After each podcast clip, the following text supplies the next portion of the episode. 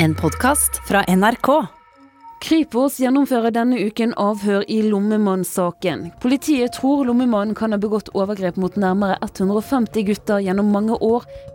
Politiet har jaktet på en serieovergriper i tre år, uten resultat. Slurv og dårlig samarbeid kan være grunnen til at overgriperen fortsatt er på fri fot. Jeg tenker jo ikke bare på mine barn, jeg tenker på alle de barn som eh, er rundt om. Kanskje nå i dette øyeblikk så driver henne og vurderer en, eh, et nytt overgrep. Etterforskerne er frustrerte. I løpet av det nærmeste halvåret nå, så må vi klare å oppklare denne saken. Hvis vi ikke klarer det, så klarer vi det ikke. For da vet vi ikke noe som helst.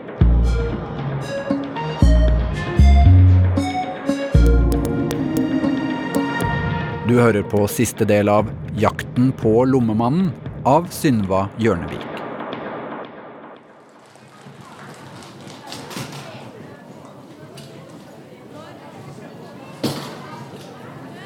I 2006 holder politietterforskerne Håvard Aksnes og Inger Lise Brøste et foredrag om Lommann-saken på en Kripos-konferanse. De håper på tips om mannen som de har jaktet på i flere år nå. I salen sitter den rutinerte etterforskeren Carl Petter Leganger fra Bergen. Håvard og Inger Lise vektla jo ganske kraftig dette her. Det er forunderlig i at det ikke var noe fra eh, Bergen. For han var jo åpenbart en som reiste veldig mye rundt omkring. Og de spurte jo også da ute i salen om man hadde noen man, eh, lokale størrelser som kanskje kunne tenkes å eh, til en viss grad passe til beskrivelse, passe til, til fremgangsmåten. Ifølge ofrene skal lommemannen være en slank, ung, voksen mann. Men fremgangsmåten hans gjør at Karl Petter kommer på en uløst sak som han jobba med for lenge siden. Om en såkalt bandasjemann. Grunnen til at han fikk navnet Bandasjemannen, var rett og slett at barn som var blitt utsatt for han, eller kontaktet av han, de fortalte at han hadde sagt at han trengte hjelp til å få ordnet med en bandasje som han hadde høyt oppe på det ene låret. Og for å få gjort det, så måtte de nødvendigvis han trekke ned buksen. Så vi fant ut at vi fikk nevne det for Håvard Aksnes. Så i første pause så nevnte jeg det for han, og det syntes jo han var interessant. Etterforskningsleder for Lommemannteamet, Håvard Aksnes. Litt annerledes kontaktetablering enn det vi hadde i våre saker, men samtidig også litt likt. Veldig sånn effektivt. Og det som skjedde etterpå, var jo, helt, det, var jo det samme. Voksen mann og smågutter. Du kan ikke la være å kikke på det. Etter å ha jobba med saken i tre år, så står etterforskerne igjen med to ubesvarte spørsmål. Hvorfor er det ingen saker fra Bergen? Og når ble egentlig det første overgrepet begått? Vi må vite når han starta, for hvis vi finner ut når og hvor han starta, da finner vi kanskje også ut hvor han kom fra eller kommer fra. For vi hadde en veldig sånn løs ende i den enden av tidslinja vår. Den må vi få festa. Så han ba jo om at vi tilbake i Bergen forsøkte å finne frem de sakene som vi knyttet til bandasjemannen. Mens Carl Petter drar tilbake til Bergen for å lete i arkivene, har nå Lommemannteamet fått et nytt ord de kan søke etter i sine registre. Bandasje. Det gir treff på Østlandet.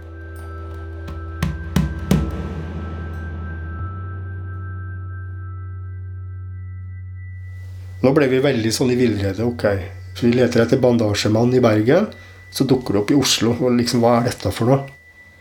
Langt nede i arkivet finner de en registrering fra Sogn studentby i Oslo fra 1995.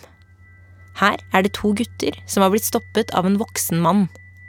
Han vil ha hjelp til å fikse en bandasje innenfor buksa si. Og så sto det videre i denne meldinga fra Sogn studentby at beskrivelse av gjerningspersonen ligner på samme person som var på Bjølsen skole dagen før.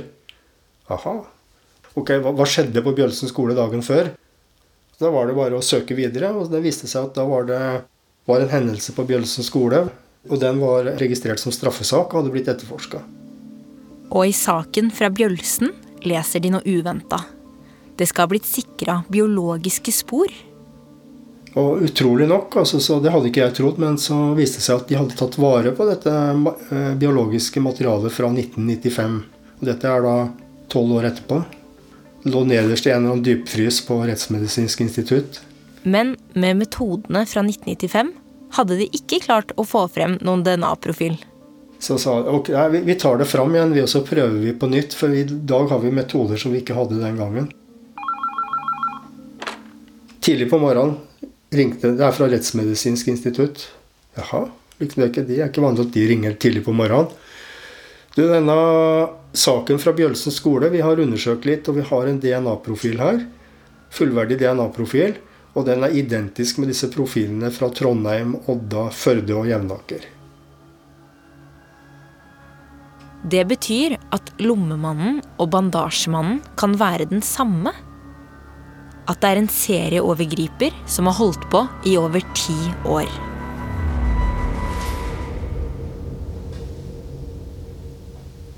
Jøss, yes, liksom. I alle dager. altså da har han holdt på, Vi har vært lurt på om det var en og samme person. Nå viser det seg at han har holdt på helt fra 1995 i alle fall til 2006. Over hele Sør-Norge. Hvis det er en og samme overgriper, kan han være eldre enn de har trodd til nå. Og han kan ha tilknytning til Bergen. Kripos gjennomfører denne uken avhør i lommemannsaken. Kripos har jobbet med saken i Bergen siden sist uke. Politiet tror lommemannen kan ha begått overgrep mot nærmere 150 gutter gjennom mange år.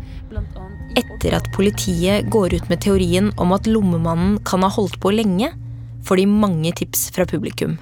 Noen om saker fra helt tilbake til 1975. Og antallet ofre går i taket.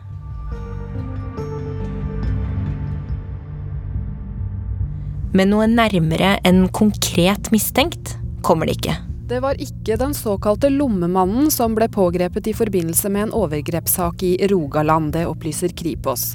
DNA-prøver fra den sikta er sammen... Så sto vi og lurte vi på liksom, hva, hva er det vi ser etter, egentlig? Hva er det i denne haugen hva er det vi ser etter der, som på en måte gir løsninga? Og da husker jeg jeg var på kurs eller møte eller et eller annet med noen folk, etterforskere fra FBI en gang snakka om, om, akkurat det der. Og det var at You don't know what you are looking for, but you know it when you see it. Altså Du vet ikke hva du ser etter, men du vet det når du ser det.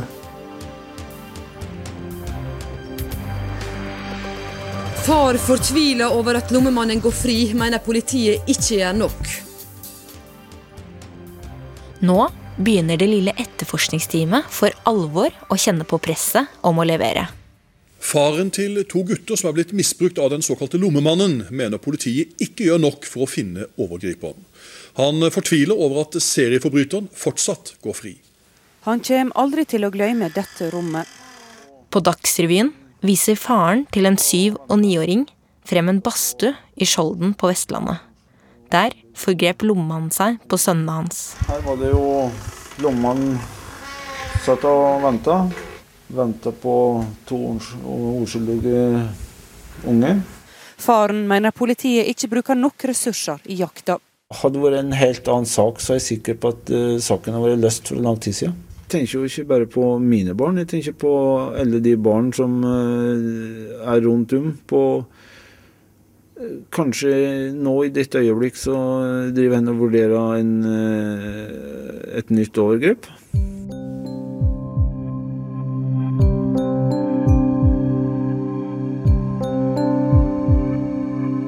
Anders fra Trondheim var gutten som ble utsatt for overgrep i blokka der han bodde.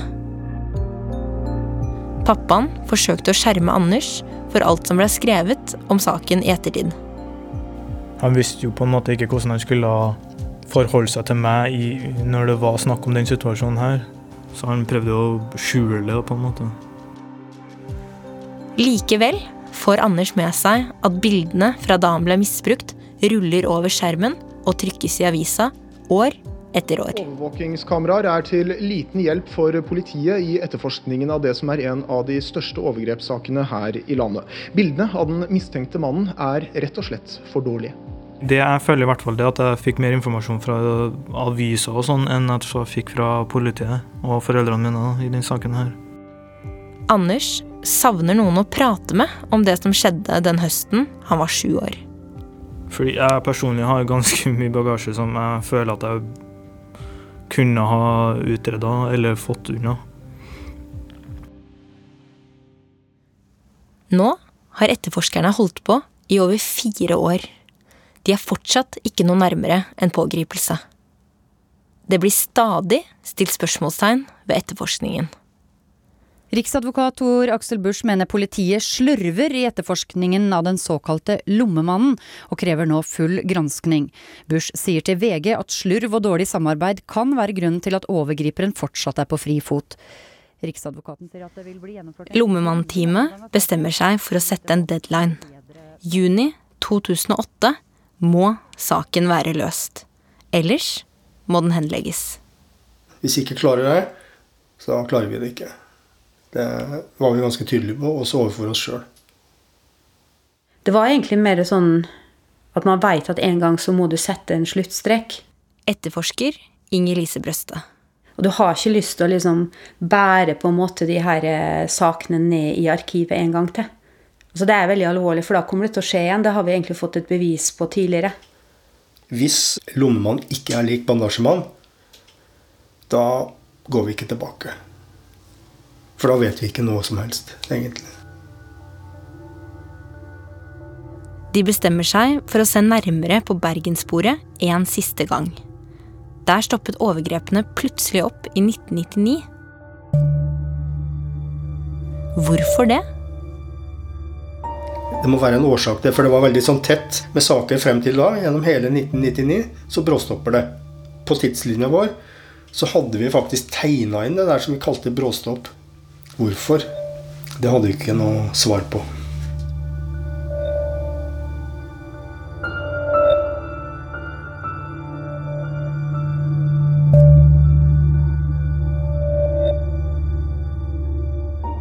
Jeg hadde vakt på eh, Helse Bergen innenfor psykiatrien. Og en morgen så satt jeg og en eh, mannlig eh, sykepleier i lag og leste hver vår avis. Oddvar Ågotnes er en pensjonert lensmann på Sotra som i 2006 har en ekstrajobb på en psykiatrisk institusjon. Denne dagen skriver Bergens Tidende at politiet tror at lommemannen kan være en noe eldre mann fra bergensområdet. Så ser han at eh, det er noe merkelig Oddvar, at ikke politiet kan klare å oppklare denne saken den lommemannen som vi, jeg sitter og leser om. Ja, gjør jeg også, jeg. Men eh, til min forbauselse så er alderen forandret i avisen. Så eh, nå tror jeg at jeg har en peiling på hva det kanskje kan være.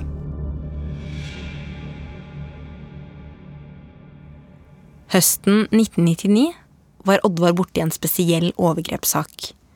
En syv år gammel gutt hadde blitt kontaktet av en voksen mann i garderoben i svømmehallen på Sotra. Slik beskriver en senere dom det som skjer. Guttens navn er anonymisert, og vi kaller overgriperen for mannen. Gutten og mannen ble stående ved siden av hverandre i dusjen. Selv hadde gutten på seg badebukse, mens mannen var naken. Mannen spurte gutten om han skulle hjelpe han med å såpe inn håret. Gutten sa at det kunne han gjøre. Mannen holdt fast i guttens hode slik at han ikke greide å bevege hodet sitt. Ved hjelp av fingrene åpna mannen munnen til gutten og førte sin nå erigerte penis inn i guttens munn. Denne bevega han inn og ut noen ganger før han trakk seg ut.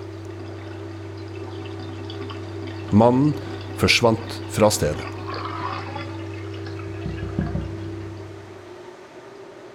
Lensmann Oddvar ba personalet på svømmehallen si ifra hvis mannen skulle dukke opp på nytt. Og noen uker seinere var han der igjen.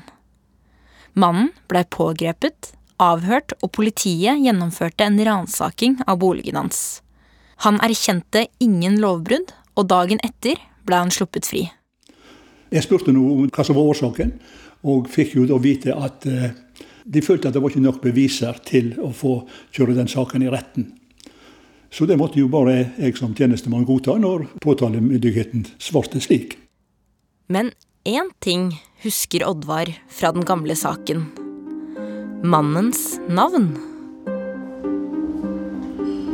Med mannens navn i mente skynder Oddvar Ågotnes seg for å finne en telefon. Så går jeg og ringer til politiet og spør om eh, vedkommende er registrert blant disse tipsene som er kommet. Og så fortalte han eh, Han opplyste navnet til, til meg. Og det var et navn som for meg var ukjent. Erik Andersen.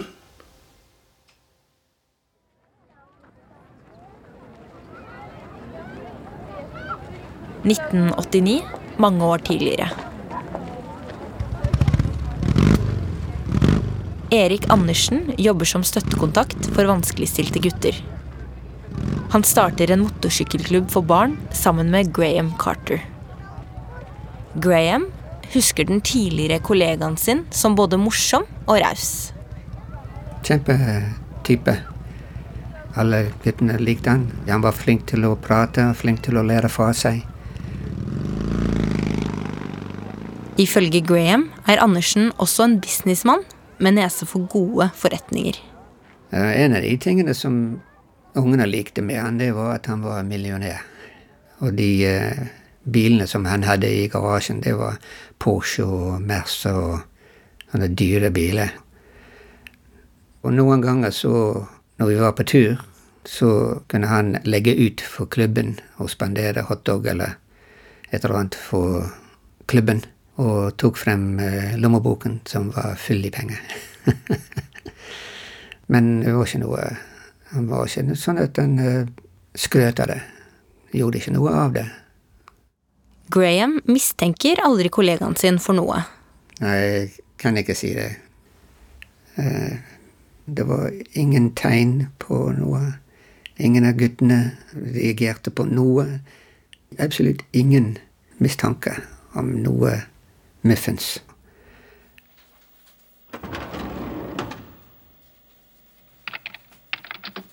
Kripos-etterforsker Håvard Aksnes leiter gjennom arkivene for info om tipset de nettopp har fått inn. Så dukker det opp noe interessant. Og det var at et mobiltelefonabonnement som var registrert på han, denne mobiltelefonen var i aktivitet i Skjolden i, innerst i Sognefjorden. Omtrent samtidig med dette overgrepet i Skjolden i juli 2006. Håvard deler kontor med etterforsker Inger Lise Brøste. Men så en dag kom han og la en sånn saksmappe på, på eh, pulten min. Så sa han bare at du Se på det her, liksom. Jeg så jo at det var gamle papirer. Det er liksom Fra skrivemaskinstida. Så jeg begynte jo å bla i det så langt tilbake i tid. Så begynte jeg å lese det, og det er liksom noe Akkurat det You know it when you see it.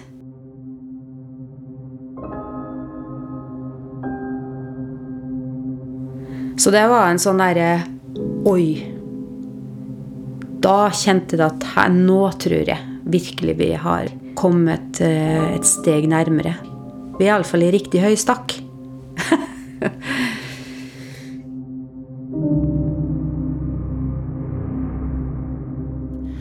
Politiet veit nå at Erik Andersen er en voksen mann fra Bergen som ble løslatt etter mistanke om overgrep for nesten ti år siden. Ellers er rullebladet hans plettfritt. De veit også at han startet et billakkeringsverksted, og at han bor i en villa nord i Bergen. Men det er det. Så det vi må gjøre, vi må prøve å få ferskere bilder av ham.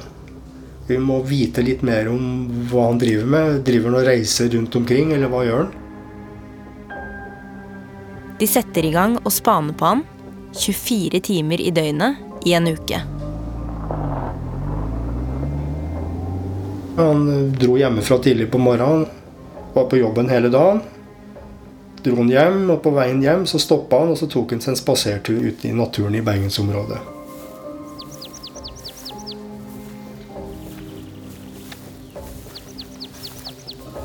Sånn var det hver dag. Veldig sånn regelmessig. Så ikke noe sånn atferd som tilsier at han var ute for å kikke etter smågutter eller noe som helst sånn. Håvard og Inger-Lise får sendt over ferske bilder fra spaningslaget og sammenligner dem med de gamle overvåkningsbildene fra Trondheim. Men her er det ting som ligner, altså. Før de skal pågripe, må de være helt sikre på at de har peila en rett mann. Måten å gjøre det på er å få tak i mannens DNA og sjekke det opp mot DNA-profilene som de allerede sitter på. En dag mens Erik Andersen er på jobb, tar politiet seg inn i hjemmet hans. De ransaker huset på jakt etter biologiske spor. De samler DNA på til sammen 27 q-tips. Disse sendes med første fly til Rettsmedisinsk institutt. De blir forespeila at vi tar ta ca. en uke før resultatene er klare. Dette var på fredag kveld, og så var det helg. Så husker jeg på søndag formiddag. Da skulle jeg og familien ut på ski, skitur. Så jeg var ute i garasjen og så skulle finne fram skiutstyret. Så ringte telefonen. Det er Karin fra RMI, altså Rettsmedisinsk institutt. Ja vel. Jeg skjønte jo hvorfor hun ringte. Så husker jeg hun sa ja, er du spent nå? Ja, jeg er jo det. Ja, dere har rett mann. Det er 26 av de 27 profilene er fullverdige, og det er ikke tvil. De begynner å forberede pågripelse, og Håvard og Inger-Lise drar til Bergen. For at alt skal gå som planlagt, er det viktig at etterforskerne holder en lav profil før aksjonsdagen. Men vi var jo veldig sånn opptatt av at ikke media skulle få vite om det. Det må jo være på en måte en sånn overraskelse, det her. Ja. 11.1.2008 eh, er jo en av de dagene jeg husker og kommer til å huske aller best eh, gjennom min journalistkarriere. I 2008 jobber Øystein Millie som nyhetssjef i VG. Han har dekket Lomman-saken helt siden starten. Nå har han fått nyss om at noe er på gang. Ehm, var jo veldig, veldig eh, bevisste på at vi ikke skulle ødelegge for politiet. vi var også veldig bevisste på at vi ikke skulle røpe hva som skjedde. Vi bodde på et hotell i, Bergen, og jeg husker jeg nedla et forbud mot å gå ut flere enn to og to sammen av VG-kolleger. Øystein plukker opp at det er natt til fredag det skal skje. Så var det jo å eh, gå i posisjon og gjøre seg klar og se om, eh, om, vi kunne klare å dokumentere det som eh, vi skjønte kom til å bli en, en historisk hendelse. Vi hadde opprinnelig planlagt at vi skulle pågripe han under kjøretur fra Bopel på vei til jobb på morgenen. Kripos-etterforsker Håvard Aksnes vi gikk bort fra den planen. Vi fant ut at nei, vi tar den heller når han går ut fra huset sitt og bort til bilen sin, for det var et stykke å gå der. Vi tar den der, for da, da har vi enda bedre kontroll. Tidlig på morgenen, selvsagt, i og med at han dro så tidlig på jobb. Øystein og resten av VG-teamet er på plass den kalde januarnatta. Vi har ja, Jeg vet ikke om vi brukte øh, noe sånn kamuflerende presenninger eller Men altså, vi, vi, vi, vi er i skjul. Vi gjemmer oss øh, godt. Vi ser huset, og vi ser at det er øh, Når det kommer på, på morgenkvisten der, så ser vi at det er sivile politifolk som er i området. Og så ser vi da at uh, idet lommemannen skal ut og hente uh, avisa, så skjønner vi at, uh, at man kommer til å slå til. Og da er det sivile politifolk som uh, gjør seg klare.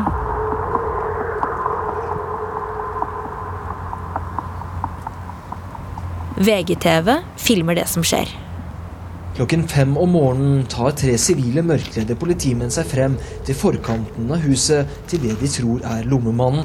Der sitter de skjult bak bilen hans inntil han klokken 5.40 kommer ut av inngangsdøren.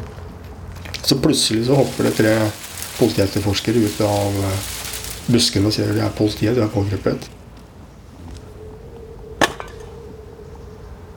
Han skvatt jo til, så det han bar på, det kasta han jo fra seg. Og det var jo en colaboks eller to. Så var det et håndkle, og inni det håndkleet så lå det et skytevåpen.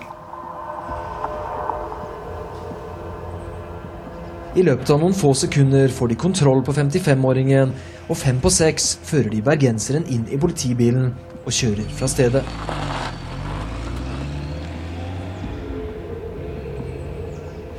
Og med tanke på dette skytevåpenet, som det aldri kom noen god forklaring på, så er jo vi veldig glad for at det skjedde på den måten det skjedde på. da.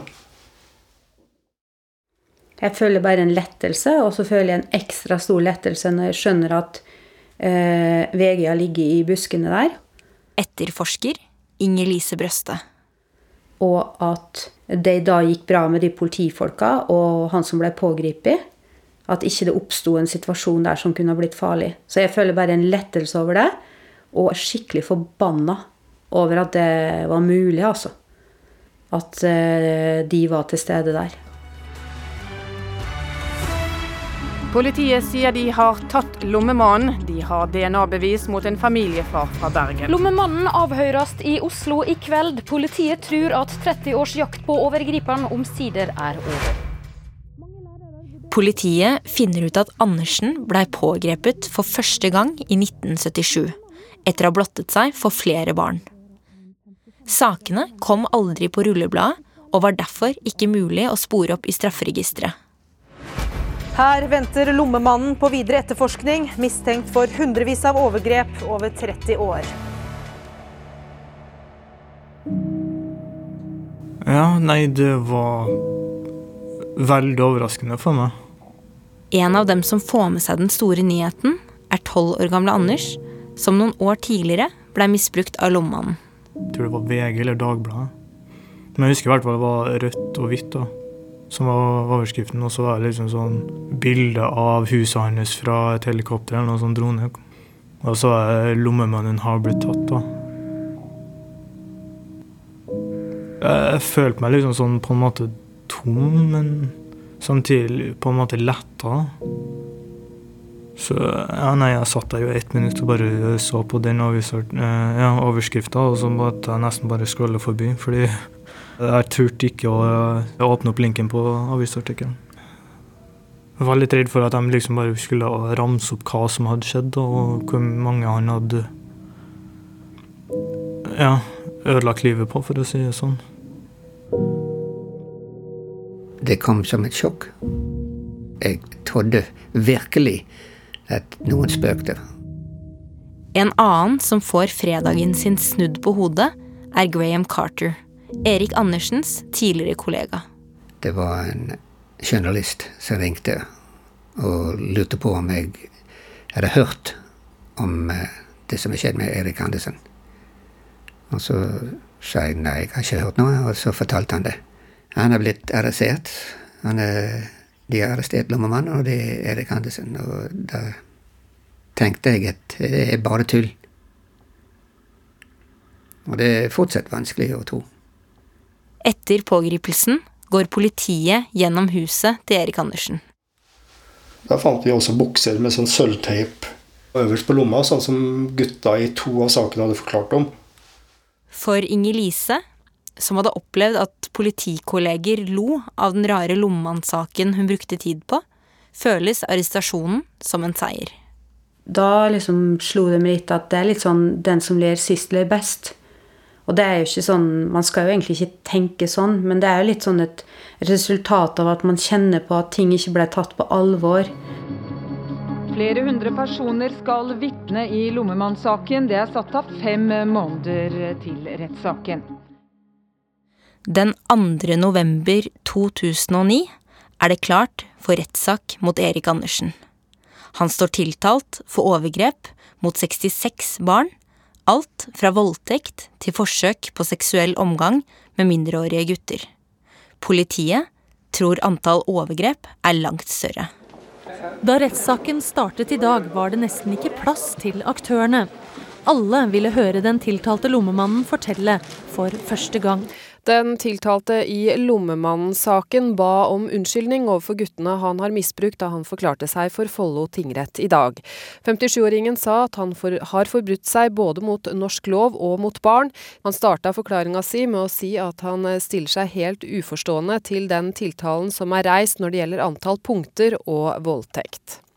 Under rettssaken kommer det frem at Erik Andersen selv har hatt en vanskelig barndom. Den tiltalte 57-åringen avviser at han er pedofil, men eh, i Follo tingrett forklarte han at han selv ble utsatt for seksuelle overgrep da han var barn.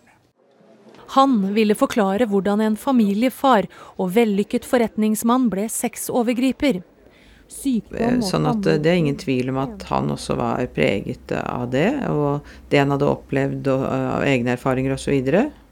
Andersens forsvarer, Gunhild Lærum. Og det er jo sånn at de fleste lever jo liksom på en fasade som ikke alltid da stemmer, da. Og når det ikke stemmer, blir det ofte vanskelig. Og når du da blir tatt, da, så er det jo på en måte en lettelse i det også, ikke sant. Da kommer jo den harde virkeligheten fram. Det var en rasjonalisering av de handlingene, med at det var stress. Per Egil Volledal jobber som statsadvokat og er aktor under rettssaken mot Erik Andersen. Det var depresjon.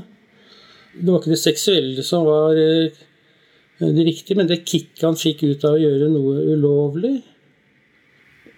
Jeg syns det er veldig vanskelig å feste lit til at man begår en rekke helt åpenbart seksuelle handlinger uten at det i det hele tatt er noen seksuell motivasjon eller tanke bak det.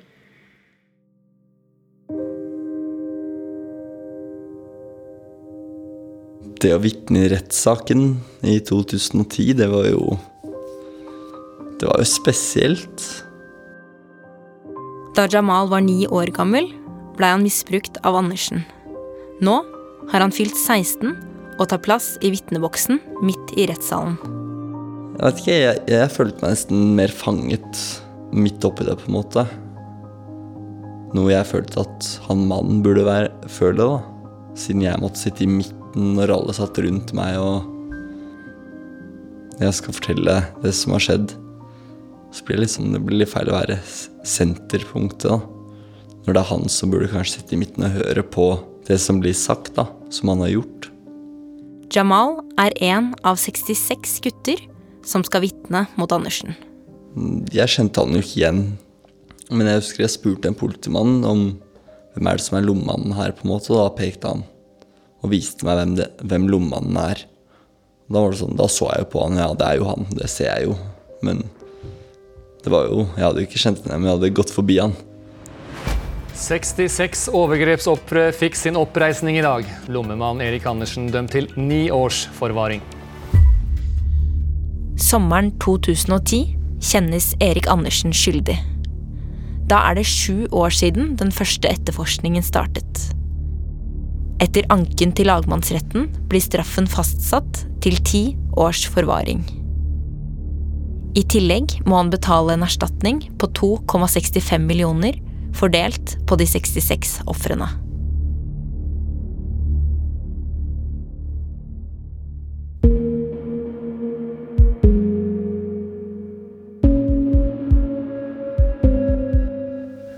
Vi gikk en veldig lang vei. Men jeg tror den lange veien var nødvendig å gå ja, for å komme fram dit hvor vi kom. altså. Etterforskningsleder Håvard Aksnes er stolt over jobben som er gjort. Ja, for dette er jo beinhard uh, jobbing. altså sånn Veldig målretta, veldig fokusert. Det er ikke noe tryllekunstneri vi bedriver. altså Det er hardt arbeid. Etter dommen gjør Riksadvokaten en gjennomgang av Lomman-saken. Det viser seg at etterforskningen av forbrytelser mot barn har lav status internt i politiet. De havner ofte hos etterforskere uten den nødvendige kompetansen, og politidistriktene er for dårlige til å samarbeide og hjelpe hverandre. Det er sånne ting man må ta selvkritikk på. Politietterforsker Inger Lise Brøste. Jeg tror bare da at eh, det har blitt en annen bevissthet på at eh, det med serieovergripere. Og det har vi jo sett flere eksempler på etterpå. At det eksisterer. Så jeg tror det var litt sånn banebrytende i forhold til det. da, At man turte å tro på det. Og så viste det seg at det var sant. Erik Andersen soner minstetiden på sju års forvaring. Etter behandling i fengselet mener psykiaterne at det ikke er noe fare for nye overgrep, og han slipper ut. Erik Andersen, kjent som Lommemannen, blir sett fri på prøve etter å ha sona i sju år. 62 år gamle Erik Andersen blir prøveløslatt under strenge restriksjoner. Han forbys bl.a. å ha kontakt med barn under 16 år, og får ikke lov til å vise seg på offentlige bade- og idrettsanlegg. Kan du si noe om hva slags tanker eller ønsker han hadde for fremtiden etter at han kom ut? Det var jo å etablere seg et sted hvor han kunne leve sitt liv og leve i fred, og ikke eh, bare bli sett på som lommemannen, men også som den personen han er. Forsvarer Gunnhild Lærum. Når du får et sånt tilnavn som han fikk, og ble omtalt så mye med det, da, så blir jo det på en måte kjennetegnet på han. Og han, mennesker er jo mye mer enn en straffesak, altså enn den du får vist fram i en straffesak, da. Så det var nok viktig for han å kunne etablere seg et sted og klare å skaffe seg et normalt liv. Og det, sånn som jeg forstår det, så har han klart det. For meg så er han egentlig vekk. Det er synd, men det er det samme som hvis noen dør. Graham Carter brøt all kontakt med Andersen etter at det ble kjent at han var lommemannen. Du glemmer det ikke. Du glemmer det ikke sånn som de var. Men igjen, det er som om det er en annen person. Hadde vi skjønt noe, eller hadde vi visst noe, så kunne vi fått han til å søke om hjelp.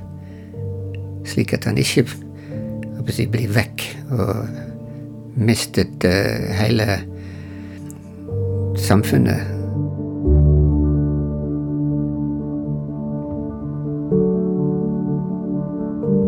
I dag er Jamal voksen og jobber som helsefagarbeider. Han prøver å få orden på livet, men hverdagen hans er fortsatt preget av det han opplevde som niåring. Nei, Overgrepet har jo ført til at jeg har på en måte At jeg føler meg mer, mer komfortabel rundt jenter generelt. Men det er litt vanskeligere. Helt siden overgrepet bak Drøbak barneskole har Jamal vært skeptisk til ukjente, voksne menn. Jeg merker jo at det er fra lommemannen. Det sitter på en måte at han ødela det. Så har det liksom påvirka meg til å ta masse dumme valg livet videre. Fått meg til å ruse meg for å leve i min egen verden. Og det førte ikke noen vei heller, egentlig. Jamal tenker ofte på at Erik Andersen er en fri mann i dag. Det er rart å tenke på at han er ute og vandrer. Eh, jeg har jo mange ganger tenkt selv at jeg har lyst til å oppsøke han. Bare for å spørre han hva til det her mot meg. Se han i øynene og si at jeg er ikke redd for deg. Du gjør med hva du vil, på en måte, men jeg vil ha et svar på hvorfor. Hvorfor det er barn du gikk etter, på en måte, liksom.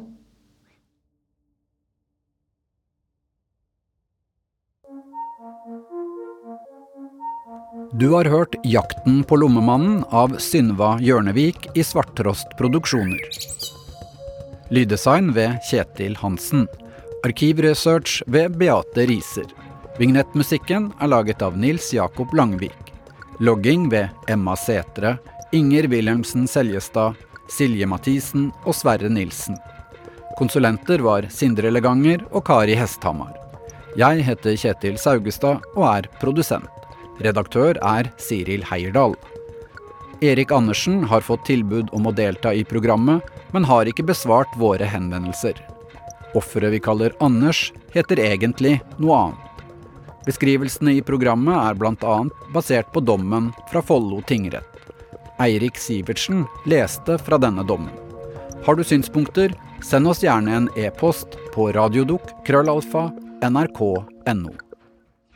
En podkast fra NRK.